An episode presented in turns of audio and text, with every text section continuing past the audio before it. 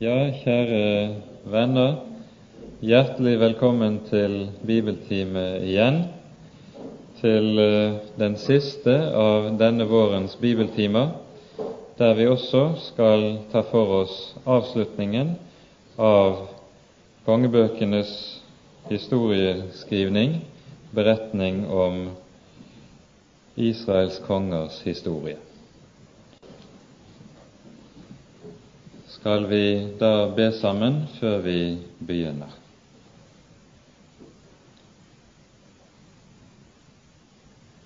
Kjære gode Herre og Hellige Far. Vi takker og lover deg for all din godhet imot oss, for din store barmhjertighet som du har vist oss i Jesus. Takk, Hellige Gud, at det er du selv som etter din egen godhet har skjenket oss din Sønn. Vil du lære oss å tro ham, regne med ham og aldri bygge på annet enn ham. Så ber vi, Herre, at du med din Hellige Ånd vil komme og være hos oss også denne kveld at du vil gi oss lys i dine ord, slik du ser vi trenger det, og at du vil åpenbare ordet ditt, slik bare du kan gjøre det. Kom, Herre, og vær med min munn og min tanke, at det som er av deg, får lyde, intet mindre. Det ber vi deg om i Jesu navn. Amen.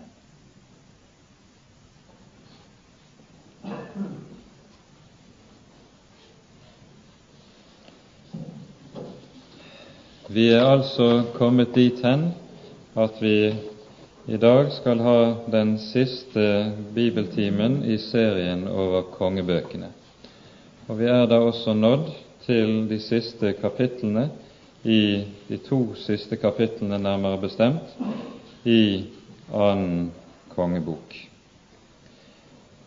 Vi stanset sist gang opp for det som vi med rette kan kalle for Jerusalems siste nådetid, som vi hører om under den fromme kong Josias som fikk en regjeringstid som varte i hele 31 år.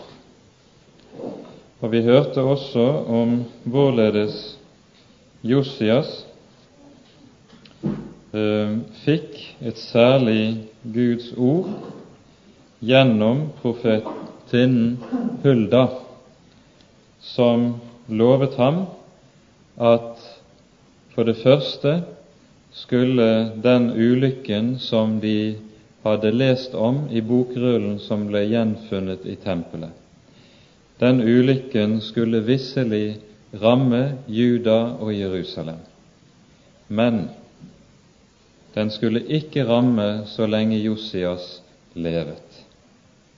Hvilket altså innebærer at Josias liv kom til likesom å stå som en garanti for Juda og Jerusalem at så lenge han levet, ville også Jerusalems nådetid vare ved. Så hørte vi også hvorledes Josias faller i slaget ved Megidda, Megiddo, med der han møter farao Neko noe som skjedde i år 609. Og dermed så er også Jerusalems nådetid slutt. Vi sang nå til åpning salmen Er Gud for meg så trede, meg hva der vil imot.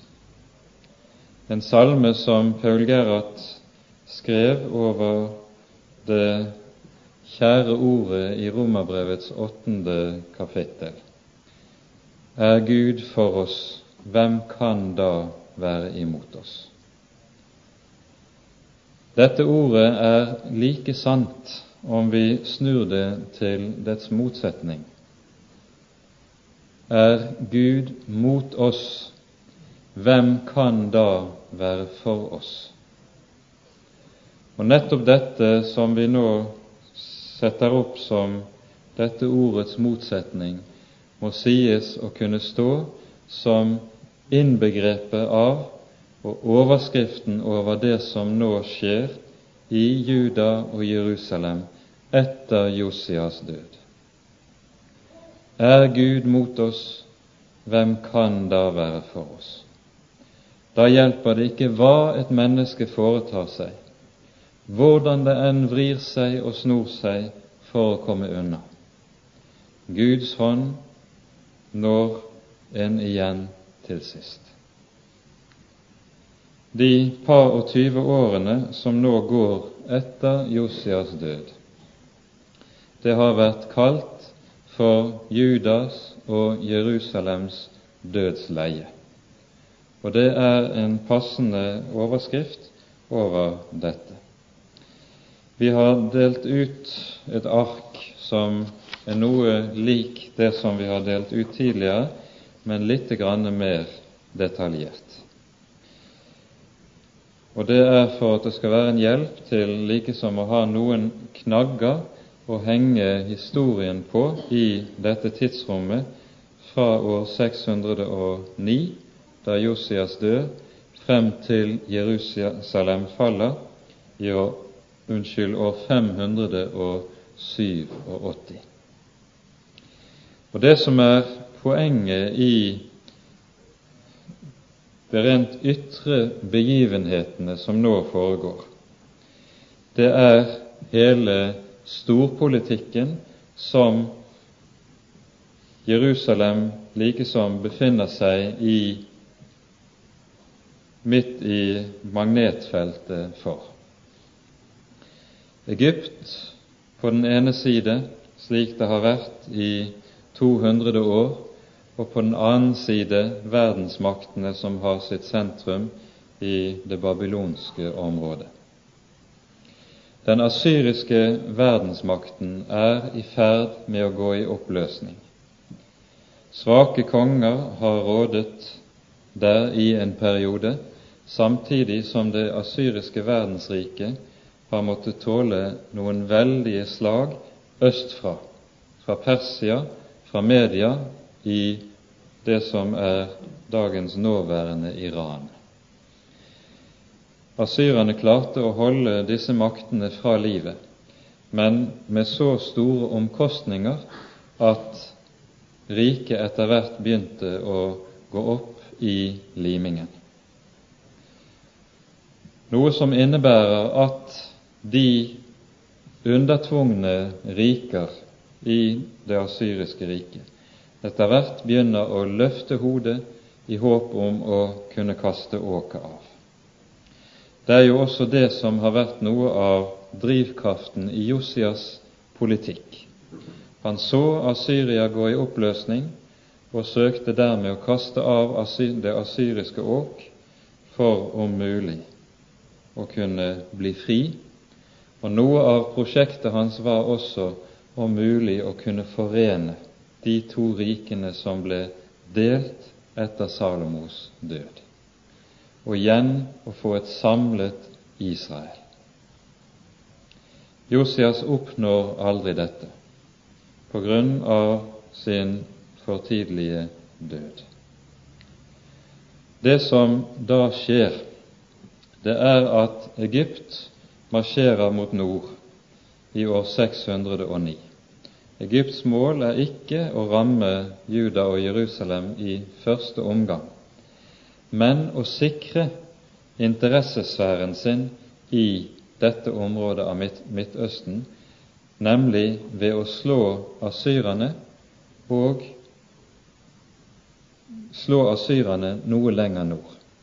Derfor marsjerer han kun gjennom området, gjennom Libanon, opp mot Karkemish, som er en by som ligger omtrent på grensen mellom det nåværende Syria og Tyrkia ved Eufrat. Og her ved Karkemish sto det et stort slag, der farao Neko led ikke et fullstendig nederlag, men et nederlag som var av en slik art at han måtte trekke seg tilbake. Men asyrerne led også så store tap at de mistet sin dominans over hele området syd for Eufrat, hvilket innebar at når farao Neko trekker seg tilbake sydover igjen, så er Juda og Jerusalem hans lydrike. De har intet å stille opp mot Neko når han vender tilbake fra Karkemish. Slik at da Josias døde, så gjorde folket den første av Josias sønner, Joakas, til konge. Men han får bare tre måneder på tronen. Og nå kan vi se på arket dere har fått utdelt. Når Neko vender sydover igjen, slår han leir i en by som heter Ribla i det nåværende Libanon, og han tilkaller Joakas, som ikke har noe annet å gjøre enn å lyde faraos ordre, og farao avsetter ham prompte. Ja, ikke bare det, han fører ham i lenker til Egypt, der Joakas blir værende til sin død i fangenskap. I Joakas sted innsetter farao Neko så broren, som også er en sønn av Josias broren som heter El-Jakim, og forandrer navnet hans til Jo-Jakim. Dette var et tegn på total øvrighet at en konge kunne endre navnet til en av undersåttene. Og Jojakim har intet annet å gjøre enn å akseptere fakta. Han får sitte på tronen på farao Nekos nåde. Og slik blir det i fire år, frem til år 605. Nå har i løpet av disse fire årene et annet av de undertvungne rikene under asyrerne kommet til makten, og det er Babylon. Babylon har reist hodet, og den kommende storherskeren erobrer både det gamle Ninive, som var Asyrias hovedstad, jevner det fullstendig med jorden og rykker så østover og sydover. Hvorpå farao Neko ser seg tvunget til på ny å vende tilbake med sine hærer, for om mulig å stanse den nye makten fra Mesopotamia-området. Dette skjer i år 605. Og det blir et nytt slag ved Karkemish, det andre slaget. Og der lider Neko totalt og endelig nederlag. Og fra dette året av, fra Jojakims fjerde år av, er Babylon den dominerende verdensmakt som likesom tar i arv hele det tidligere området som Asyria har behersket. Babylonerne rykker meget raskt sydover og inntar også Jerusalem. Jojakim overgir seg ganske vilkårsløst og får derfor også beholde tronen, men blir fra år 605 av lydkonge, ikke nå lenger under Egypt, men under Babylon. Og for å sikre seg lojalitet fra Jerusalem og kongene i Juda bortfører kong Nebukadneser en rekke av de høyeste i hoffet i Jerusalem, også noen av kongens sønner. En av disse kongesønnene er Daniel, som føres til hoffet i Babylon. Der får den høyeste utdannelse som babylonerne har å by på, for så å bli hoffmann ved Babylon, ved Nebukadnesars prangende hoff. For Nebukadnesar hadde det som noe av sin en del av sin prakt at han ikke hadde vanlige slaver og hoffmenn som tjenere ved hoffet, men konger og prinser fra alle de undertrungne folkeslagene. De var det som skulle gjøre tjeneste ved hans hoff, og slik likesom være en daglig demonstrasjon av hvor stor makt og herlighet kongen hadde. Det er i dette Daniels tjeneste i Babylon kommer til å begynne. Jojakim blir en lydig vasall under Nebukadnesa bare i tre år, hvorpå han reiser opprørsfanen.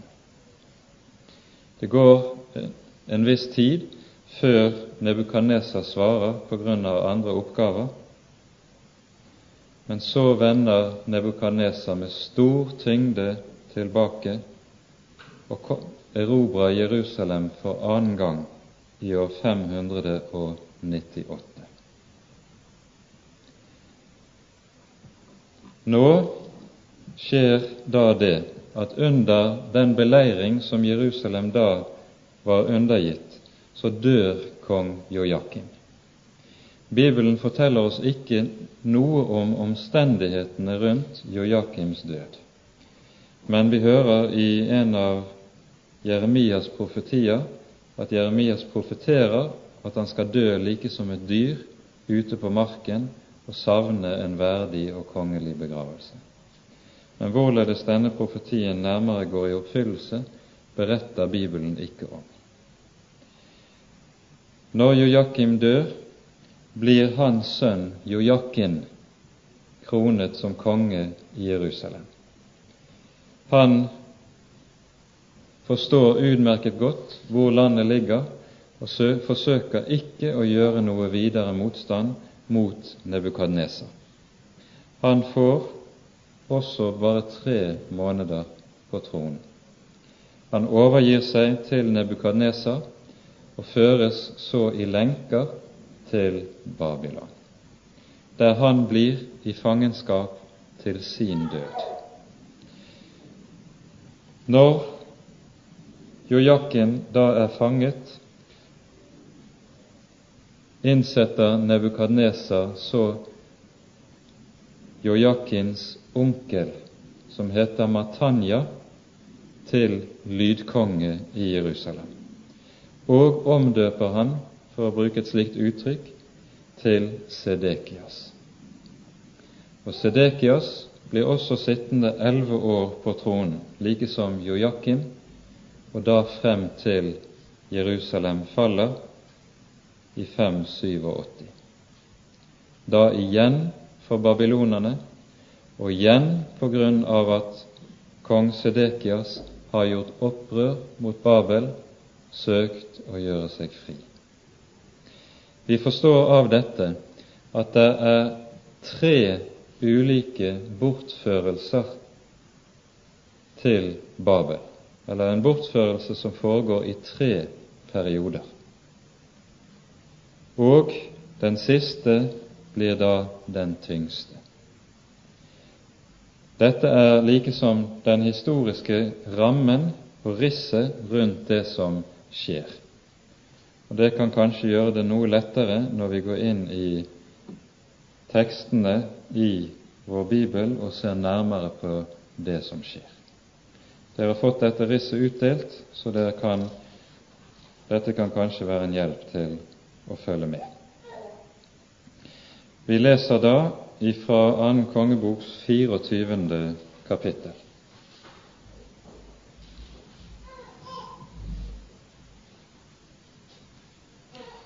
Kanskje vi skulle lese de to siste versene i foregående vers, kapittel òg, for sammenhengen sin skyld.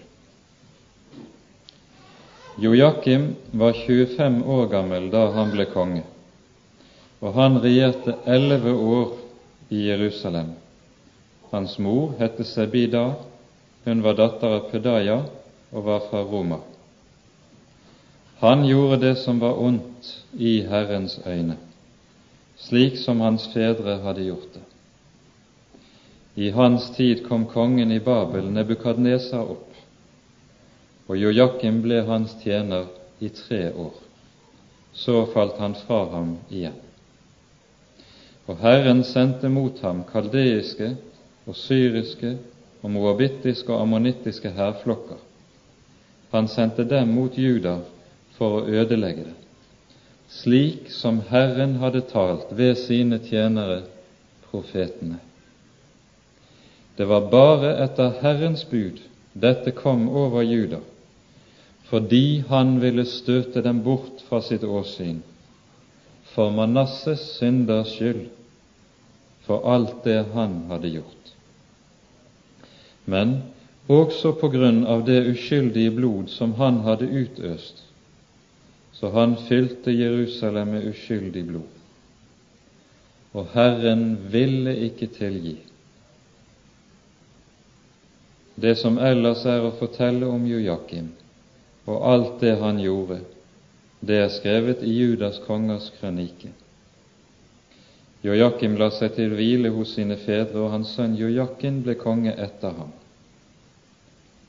Men kongen i Egypt dro ikke mer ut av sitt land, for kongen i Babel hadde tatt alt det som hadde tilhørt kongen i Egypt, fra Egypten, Egypterbekken til Frat-elven, som altså er Eufrat.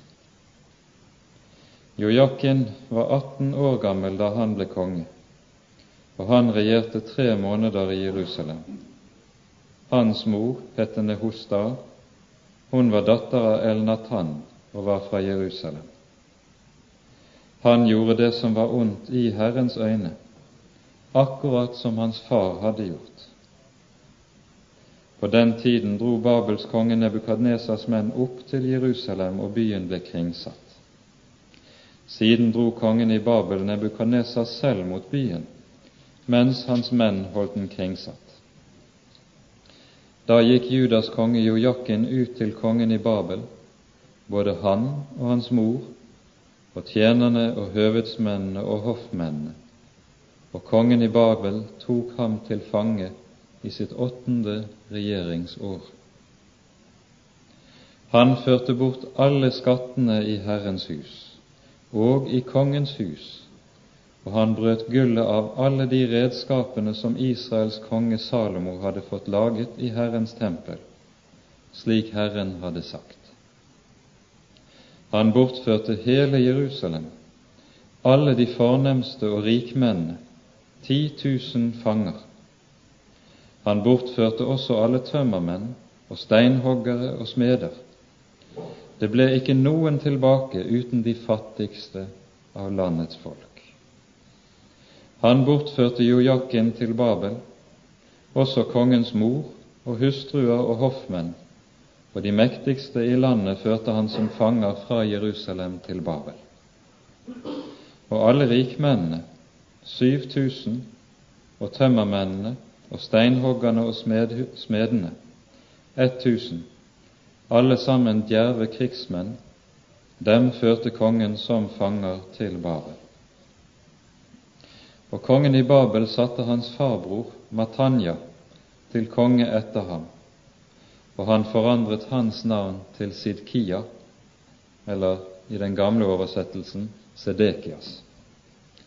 Sidkia var 21 år gammel da han ble konge, og han regjerte elleve år i Jerusalem. Hans mor het Hamital, hun var datter av Jirmeja og var fra Libna. Han gjorde det som var ondt i Herrens øyne, slik som Jojakim hadde gjort. På grunn av Herrens vrede gikk det slik med Jerusalem og Juda inntil han kastet dem bort fra sitt åsyn. Og Sidkia gjorde opprør mot kongen i Babel. Her har vi i et kort riss det som er begynnelsen på enden for Jerusalem. Og vi skal nå prøve å se litt på det Jeremias skriver om disse ting. For her er det Jeremias like som lever med i sin tid og med sitt folk, og blir Guds røst inn i folket i denne tid. Dere vil huske at en av de profetier som står veldig klart fra Jeremias munn, er profetien om de 70 års fangenskap. Denne profetien møter vi først i Jeremias boks 25.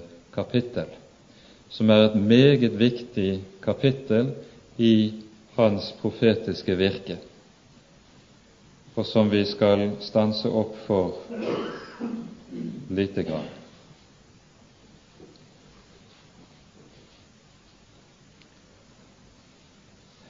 Dette er det ord som kom til Jeremia om hele Judas folk.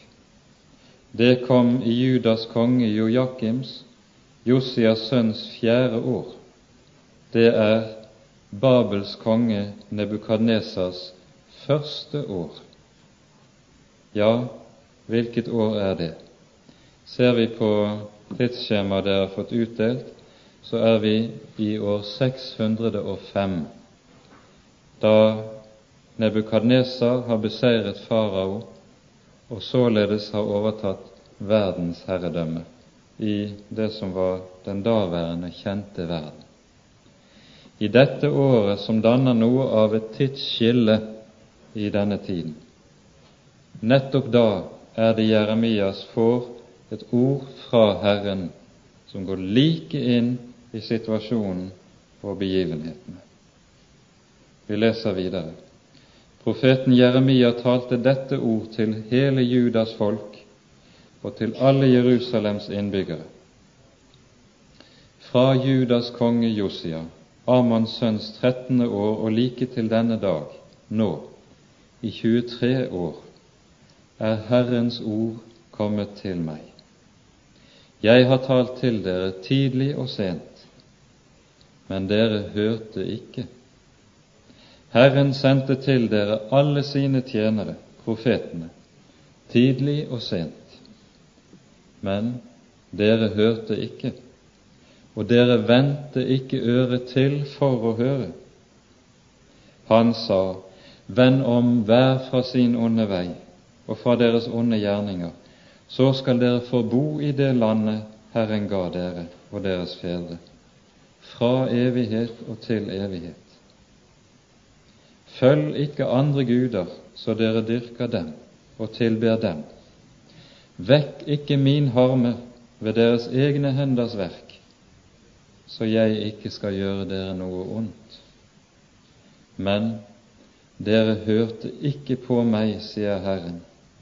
Dere vakte min harme ved deres egne henders verk, til ulykke for dere selv.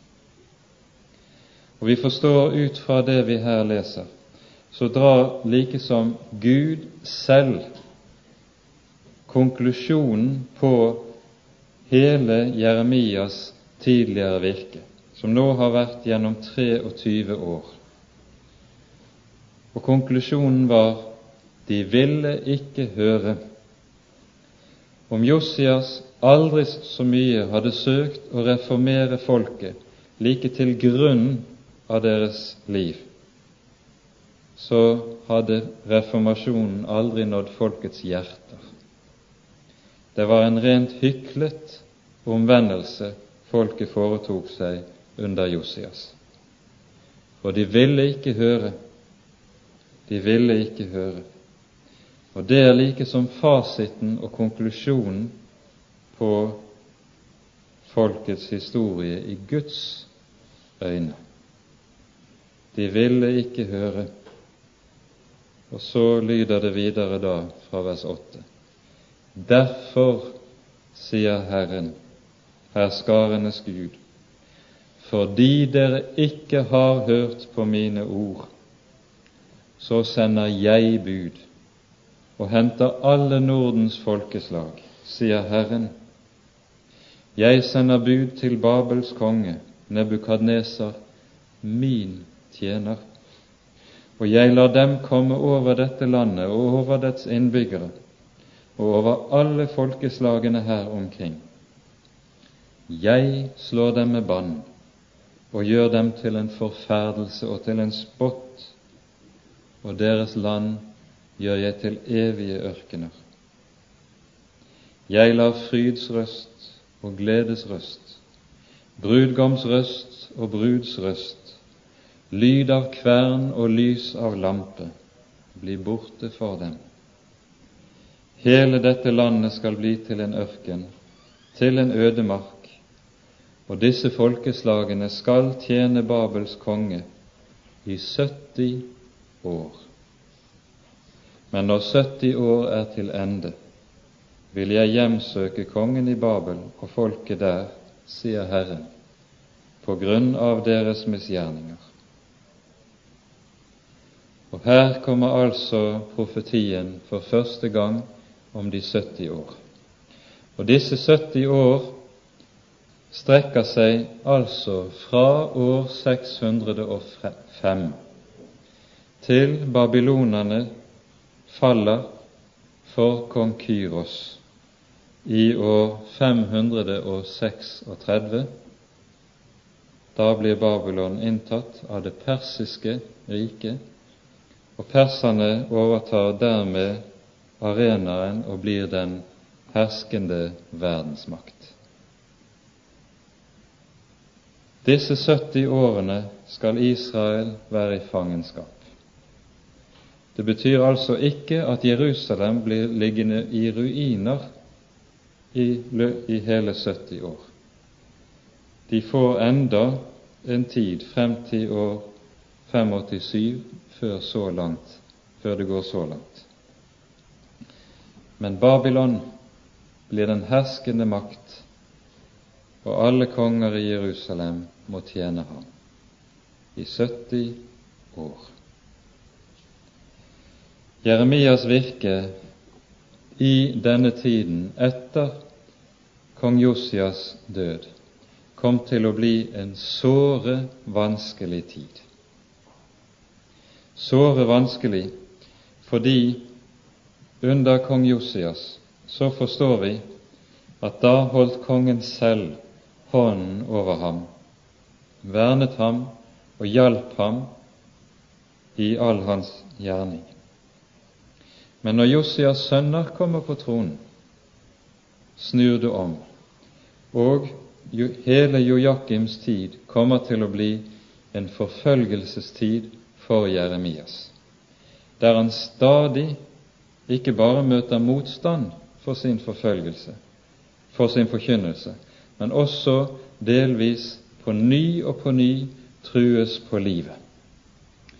Og vi hører om andre profeter som jo kong Jojakim vitterlig også tar livet av i sin kongetid. La oss hoppe til det tyvende kapittelet hos Jeremias.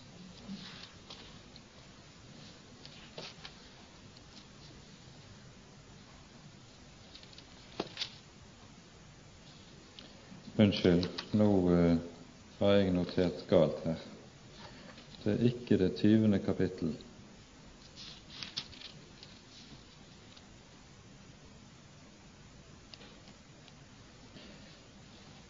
Ja.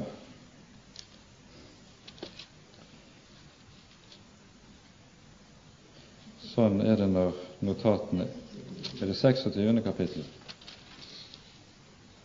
Ja, det er godt å få hjelp. Her hører vi først i det 26. kapittelet om hvorledes de ledende prester i folket søker å ta livet av Jeremias og han så vidt blir hjulpet fordi det enda er noen av folkets øverste som holder sin hånd over ham. Og så fra vers 20 i kapittelet leser vi slik. Det var en annen mann som profeterte i Herrens navn, Uria, Semaias sønn fra Kiryat Arim. Han profeterte mot denne byen og dette land nøyaktig som Jeremias gjorde. Kong Jojakim og alle hans krigsmenn og alle høvdingene hørte hans ord, og kongen søkte å drepe ham. Men Uria fikk høre det og ble redd, og han flyktet og kom til Egypt. Da sendte kong Jojakim noen menn til Egypt, Elnatan, Akbors sønn, og noen andre menn med ham de hentet Uria fra Egypt og førte ham til kong Jojakim. Og han lot ham drepe med sverd og kastet liket hans ut på fattigfolks gravplass. Men Akikam, Safans sønn, holdt sin hånd over Jeremia, så han ikke ble overgitt i folkets hånd for å bli drept. Denne trengselstid som begynner med Jojakims tronbestigelse. Trengselstid for Jeremias og andre av Herrens profeter. Den hører vi svært, svært meget om i, gjennom den første halvdel av Jeremias bok. For den har likesom sin gjenklang i Jeremias anfektelser. Jeremias var nemlig ikke det vi ville kalle for en typisk sterk personlighet, som med elefanthud likesom kunne profetere og tale og si ting som var upopulære for folket. Men den motstand, motvilje, hat og utfrysing som han opplevde på grunn av sin forkynnelse, gikk forferdelig inn på ham, på en slik måte at det fører ham inn i de dypeste anfektelser. Jeremias var en følsom natur, en natur som Guds kall kom til å koste usigelig meget for. Vi rekker ikke å gå inn på å se nærmere på dette, men dette skal lære oss noe om hvordan Herren ofte arbeider når Han utvelger sine redskaper. Man skulle tro at til en slik gjerning, som ville by på så overordentlig store vansker, så ville Herren da også velge en person som var meget sterk psykisk og mentalt og ville tåle den typen påkjenninger. Jeremias er ikke det. Tvert om, han er følsom og tåler meget dårlig det han opplever. Og så blir det slik at denne motstand han da får oppleve, den blir en særlig Guds skole og utdannelse for ham også. Vi ser, og dette ser ut til å stadig gå igjen gjennom Skriften, at Herren utvelger det som er svakt, i bokstavelig forstand, når Han skal velge ut sine tjenere. Det som er lite, og det som er hjelpeløst, i bokstavelig forstand. Og så gjør Han ut av det tjenere som blir hørt på en måte som den som naturlig er sterk, kanskje ikke ville blitt hørt. En annen av de faktorer som voldte Jeremias de aller største vansker i denne tid, og som kanskje var noe av det som også gikk mest inn på ham, det var de falske profeters virke. For i denne tid, etter Josias død, så er det like som Jerusalem yngler over av falske profeter. Og vi skal legge merke til at det som kjennetegner disse falske profeter, det er at de ikke lenger er av den sorten som hadde vært tidligere f.eks. i Nordriket, som forkynte i Baals navn og i Astartes navn, i avgudenes navn. Nei, alle taler de i Herrens, Israels Guds navn, og bruker også løftene som de har i Guds ord, f.eks. i Mosebøkene, i sin profetiske gjerning, og bruker dette Guds ord for å angripe Jeremias i hans virke. Kjennetegner disse profetene det er at de i særlig grad er lykkeprofeter. Man har gjerne kalt dem for det. Og med det mener man noe ganske bestemt. La oss hoppe til det sjette kapittelet hos Jeremias.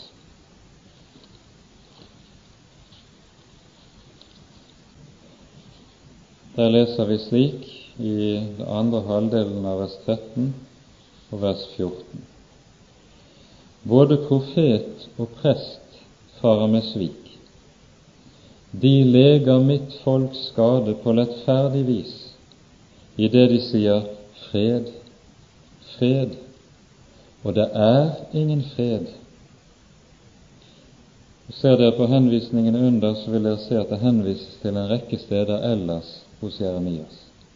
Dette var gjennomgangstemaet hos disse profetene. Det de forkynte, var for folket dere er Guds folk, dere har Guds løfter. Gud elsker dere for fedrenes skyld, for Abrahams, Isaks og Jakobs skyld. Derfor vil ingen fiendtlig makt kunne overvinne dere. Derfor skal det gå dere vel. Hva er det de gjør? Jo, de bruker Guds løfter i Det gamle testamentet, i Mosebøkene. Løfter som Herren har gitt til det folk som tar sitt Hans ord til hjertet. Disse løfter bruker de overfor folk som ikke vil omvende seg. Og Dermed så ser vi noe av det som er det aller farligste som kan skje i forkynnelsen, komme til å liksom bli eksemplifisert ved disse profetene. For det er slik at alt Guds ord er to ord. Det er lov og evangelium. Lov og evangelium. Slik er det også i Det gamle testamentet. Det er ikke bare i Det nye testamentet vi finner det slik. Og det er slik, og det er noe av kjennetegnet på disse Guds ord, at de har hver sin adressat. Loven er rettet til den ugudelige, det mennesket som lever i synd, som ikke vil omvende seg. Og loven forkynner Guds bud og sier du må omvende deg for at du skal bli frelst. Mens evangeliet, det har en annen adressat. Det skal lyde til den som omvender seg, den som frykter på grunn av sine misgjerninger, på grunn av sine synder, og begynner å stille spørsmålet hvordan kan jeg bli frelst slik som jeg har levet, slik som jeg har stelt meg? Jeg har jo brutt alle Guds bud. Hele livet mitt har vært en gudsbespottelse. Hvordan skal jeg kunne bli reddet? Til slike skal evangeliet lyde. Men dersom forkynnelsen bytter disse to adressater om, slik at man forkynner evangeliet for den som ikke vil omvende seg, og for loven og loven for den som vil omvende seg, den som har begynt å frykte for Herrens ord, da går det galt. Da blir det nettopp det som vi hører om hos Jeremias, den falske profet i hans virke. Dette hører vi mer om hos Jeremias i det 23. kapittelet.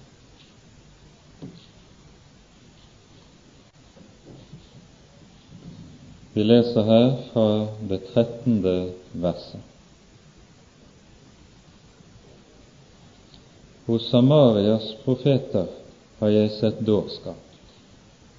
De profeterte ved Baal og førte mitt folk vill. Men også hos Jerusalems profeter har jeg sett grufulle ting. De driver hor og farer med løgn, og de styrker de ondes hender, så ingen av dem vender om fra sin ondskap.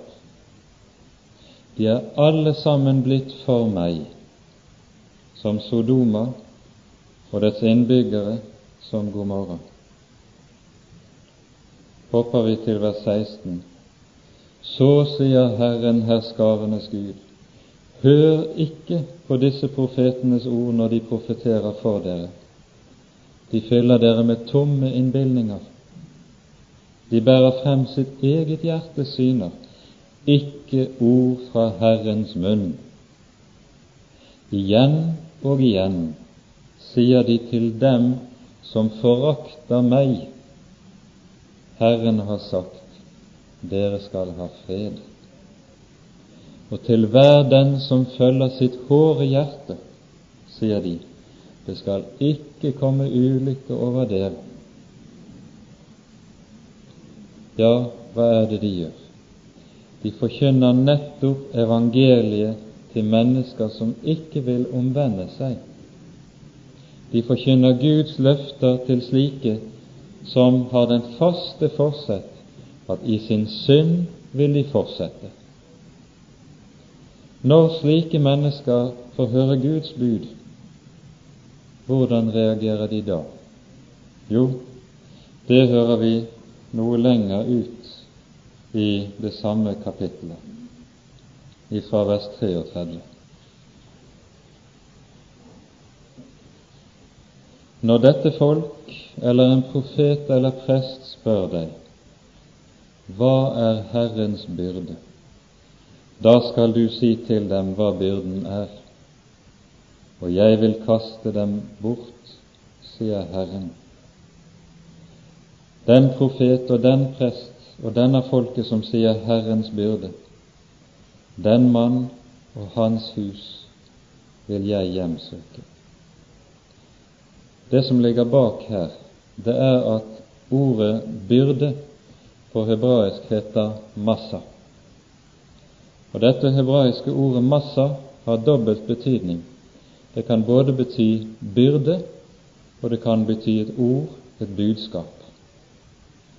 Og så blir det altså slik at folket, når de hørte det Guds ord som forkynte Guds bud, så kalte de det for en byrde. Det ville de ikke høre, for det var jo så tungt. Og tung forkynnelse vil man ikke ha, man vil ha lett forkynnelse. Vi har hørt den tonen, vi òg. Men Guds bud har det med seg at det skal bli tungt for den ugudelige. Det skal bli tungt for det gamle mennesket. Guds bud har det med seg når det lyder, for det er loven etter sitt vesen som er slik at den skal frata synderen ethvert håp som han måtte ha utenom til Herren, til Herrens nåde. Det er lovens hensikt. Og da vil det nok være slik at syndere som ikke vil høre det, vil oppfatte det som tungt, som byrde, når noen vil frata dem håpet, vil frata dem trøsten. Men får ikke loven gjøre den gjerning, så får et menneske heller aldri erkjenne evangeliet på alvor. Jesaja har et fyndig ord om dette i sitt 26. kapittel.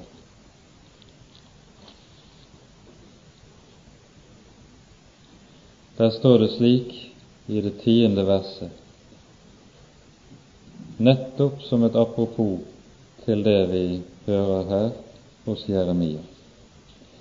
Dersom den ugudelige får nåde, så lærer han ikke rettferdighet.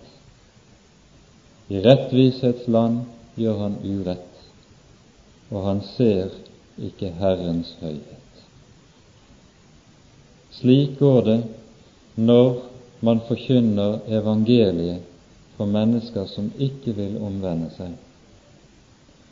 Og dette er det som er kjernen i de falske profeters virksomhet. Jeremias har ett oppdrag fra Gud å forkynne omvendelse, for på omvendelsen henger folkets liv. Vil de ikke vende om, så vil dommen komme uvegerlig og uavvendelig. Og mot den ensomme Jeremias står hundre falske profeter og sier Hør ikke på slikt. Gud er god, dere har Guds løfter. Fred i vår tid. Og denne, de falske profeters gjerning, den bærer da også sin frukt. Folket vil ikke vende om. De lytter langt heller til dem enn til Jeremias for da kan de ved deres hjelp, som misbruker Guds ord, holde Gud fra livet. Holde Gud fra livet. Den tid Jeremias dermed lever i, kommer derfor også til å bli en tid som i mangt og meget står som en klar parallell når det gjelder dette til vår egen tid. For noe av det som er forkynnelsens store ulykke i vår egen tid og i vårt eget land, det er nettopp at man forkynner evangelium og evangelium og evangelium for mennesker som ikke vil vende om. Hva er homofilidebatten i Kirken annet enn nettopp det? Man vil gi én bestemt gruppe syndere tillatelse til å leve som de vil, og dog eie Guds nåde. Men det er bare én side av saken. Det lyder over hele linjen. Og prinsipielt lyder det jo også fra en teologisk retning som fører det store ord hos oss. Du skal ikke forkynne loven. Kirkens oppgave er bare å forkynne evangeliet. Hva avføder det? Det avføder nettopp den sikkerhet som sier Gud er god, Gud er kjærlig, og så behøver man ikke å frykte og behøver ikke å vende om. Den søte fredsforkynnelsen, den evangelieforkynnelsen som slik stadig lyder med gal adresse, den er kanskje den største hindring for at Gud får slippe til i vårt folk i dag, og i kristenfolket likeså. Jeremias tid står som et innbegrep og som en lærdomstid for oss i dette stykket. Og de falske profeter fikk tale de ble aldri upopulære. De ble aldri kastet i fengsel. Deres skrifter ble aldri kuttet opp og brent, som Jeremias nedskrevne ord ble det, slik vi leste det forrige gang. Men hvor er deres ord i dag? For fra Jeremias munn lød det ord som kom fra Guds munn, og som skal stå om himmel og jord forgår, om også Jerusalem med alle dets falske profeter ble borte. Når apostelen Paulus taler om den siste tid, så taler han nettopp om dette og sier etter meg skal det komme ulver som trenger inn i flokken. som forkynner hva? Et annet evangelium.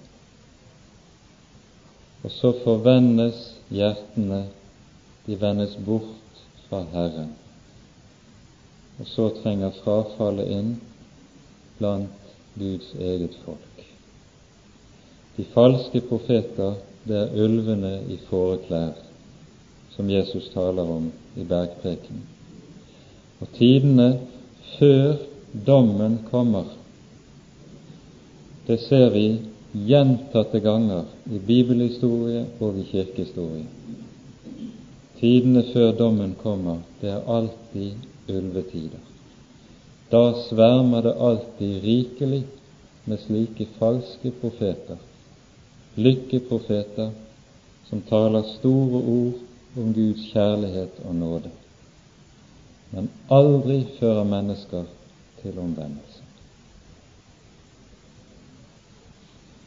Dette var det da også som kom til å bli den dominerende åndsstrøm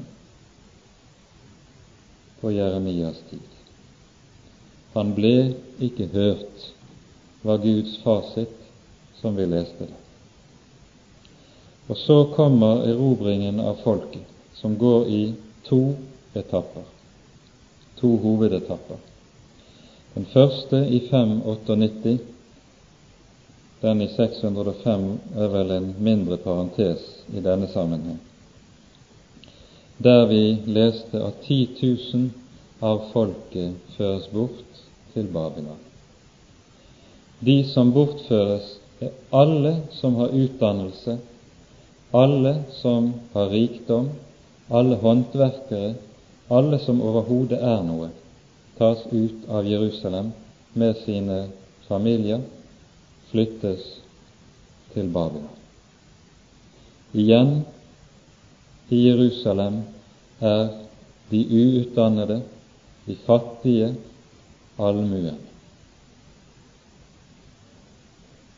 Og det er også da den del av folket som er den mest ugudelige del av folket, som enda sterkere legger Jeremias for hardt. Og så blir det slik folket som føres bort til Babylon i 598, de så på dette som en fryktelig gudsdom, og vel var det det. Men de som føres bort her, det er de som gjennom dommen skal komme til å bli kjernen i det folk som en gang skal få vende tilbake.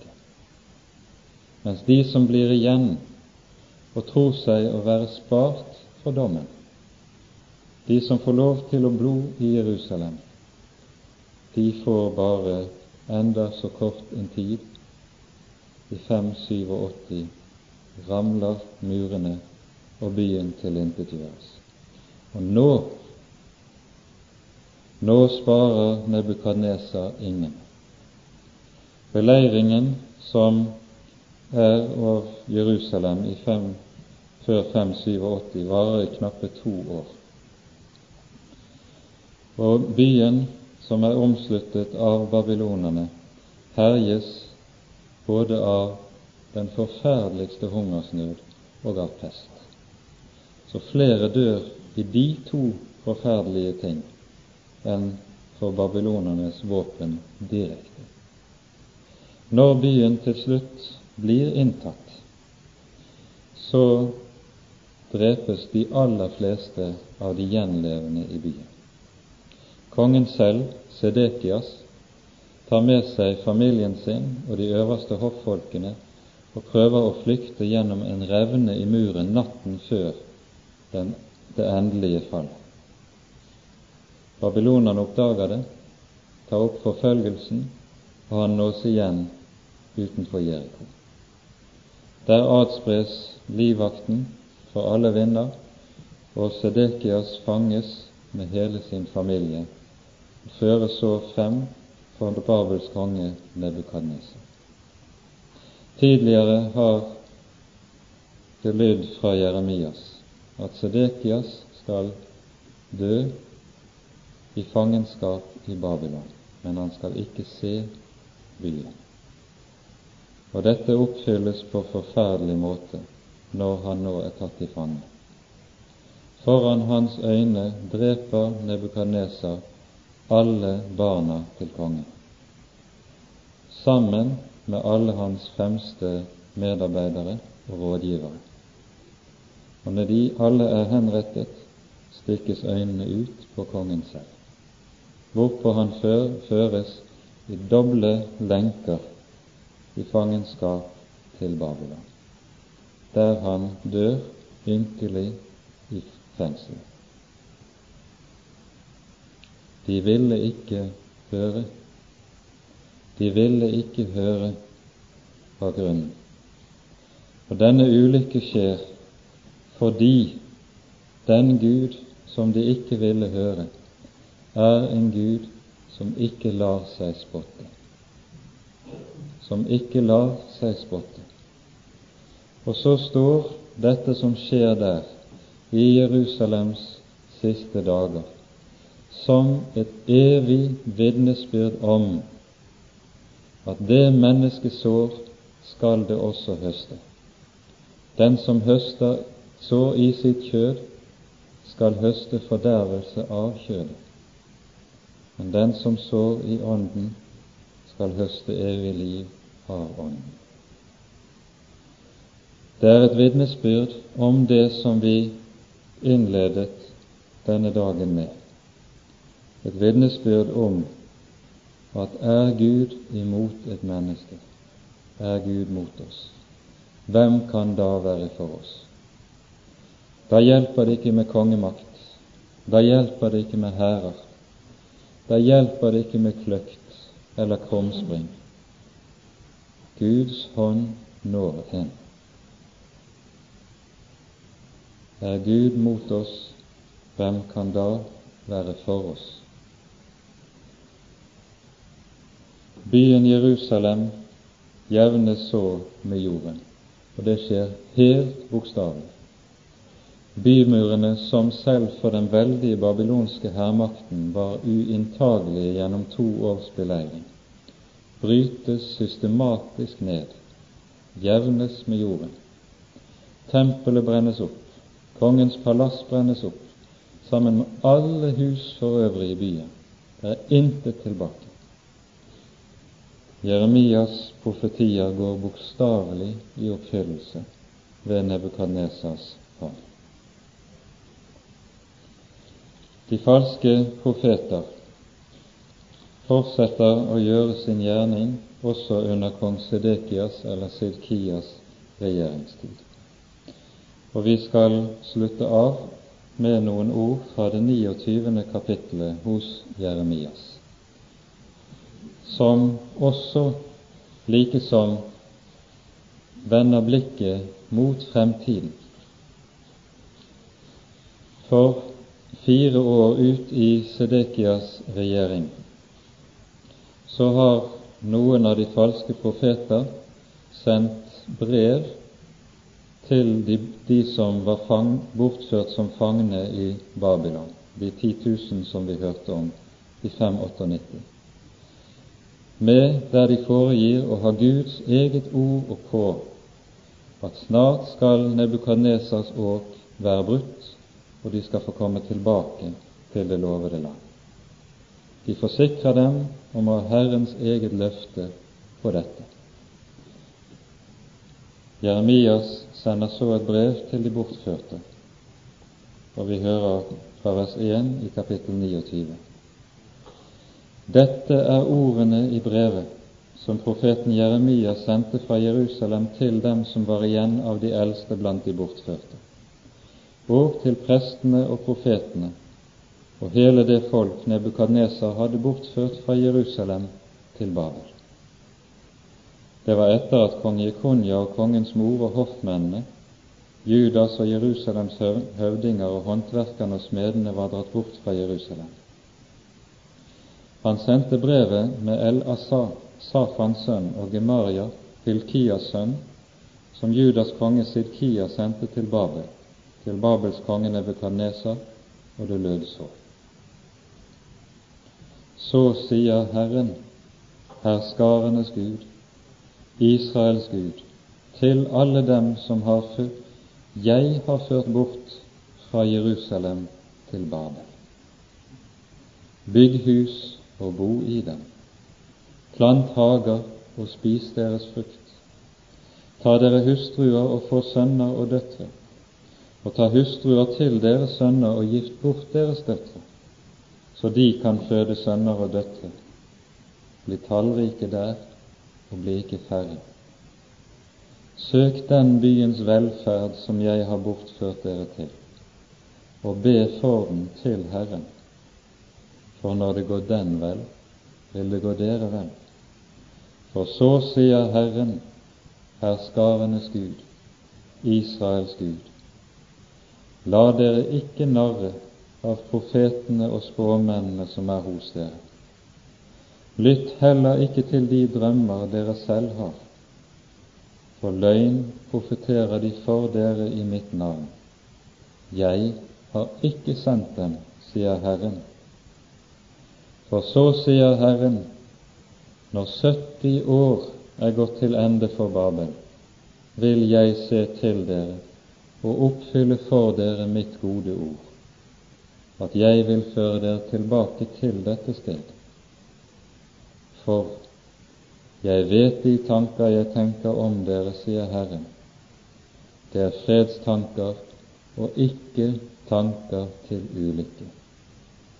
Jeg vil gi dere fremtid og håp og dere skal påkalle meg og gå av sted og be til meg, og jeg vil høre på dere. Dere skal søke meg, og dere skal finne meg, når dere søker meg av hele deres hjerte. Jeg vil la meg finne av dere, sier Herren. Her hører vi Jeremias ord, der han klart slår bena under de falske profeters løfter om at det skal bare gå et år eller to, så skal de være tilbake. Nei, 70 år skal det gå for Babel. Hør ikke på dem, men innrett dere der dere er kommet, for det er Guds vilje. Der skal dere bære dommen. Og så legger vi merke til det er i denne sammenheng disse ord som lyder i vers 11, inngår.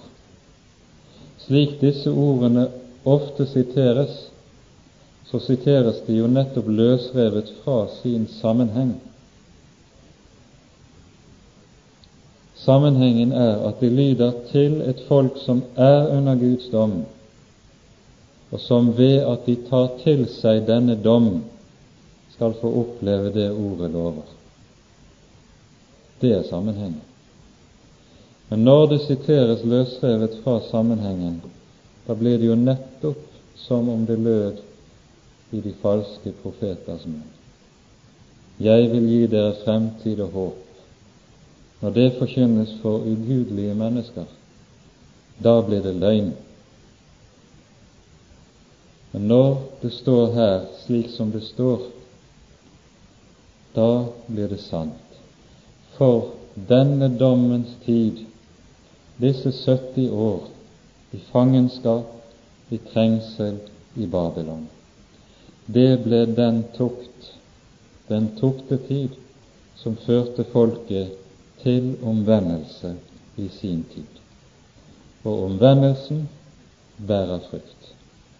Omvendelsen førte til at når Babel falt, for kong Kyros, som gikk i spissen for perserne, så er det første dekret Kyros utsteder, det er dekretet om at jødene skal få vende tilbake til Jerusalem. Og Da begynner Esras og Nehemias tid, som dere vil finne gjengitt og gjenfortalt i disse to menns bøker. Og så skal vi merke oss at de ord vi finner i den 94. salme, de står som noe av en sum og hvorledes Herren taler og arbeider når det gjelder alle disse ting som vi her har vært sammen om.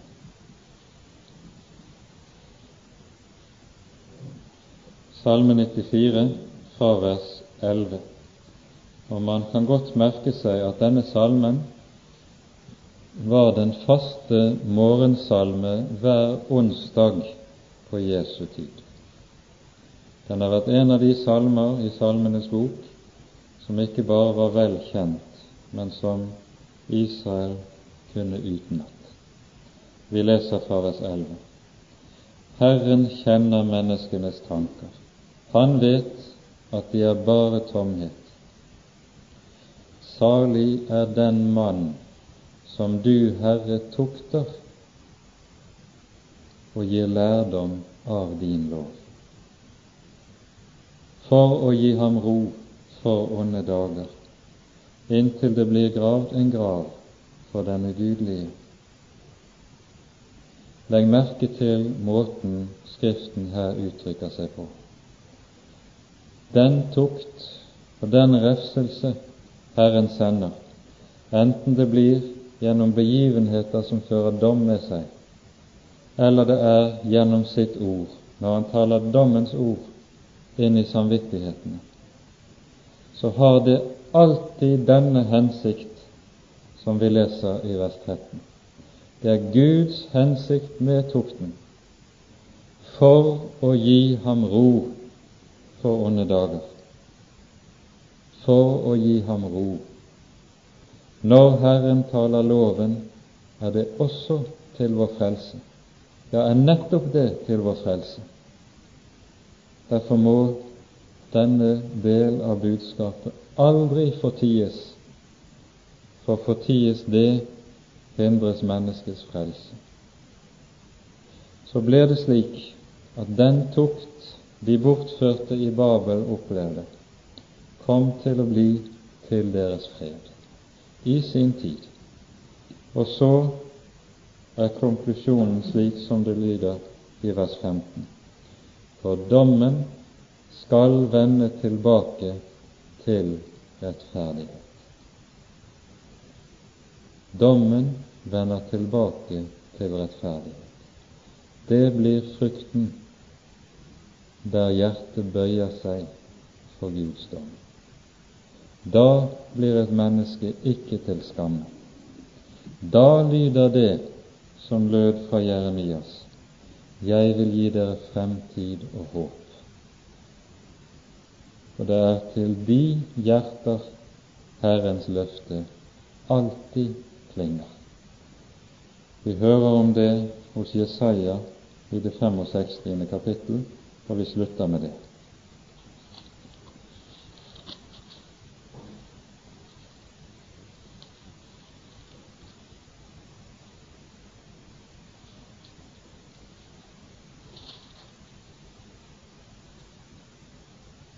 Unnskyld, det 66. kapittel.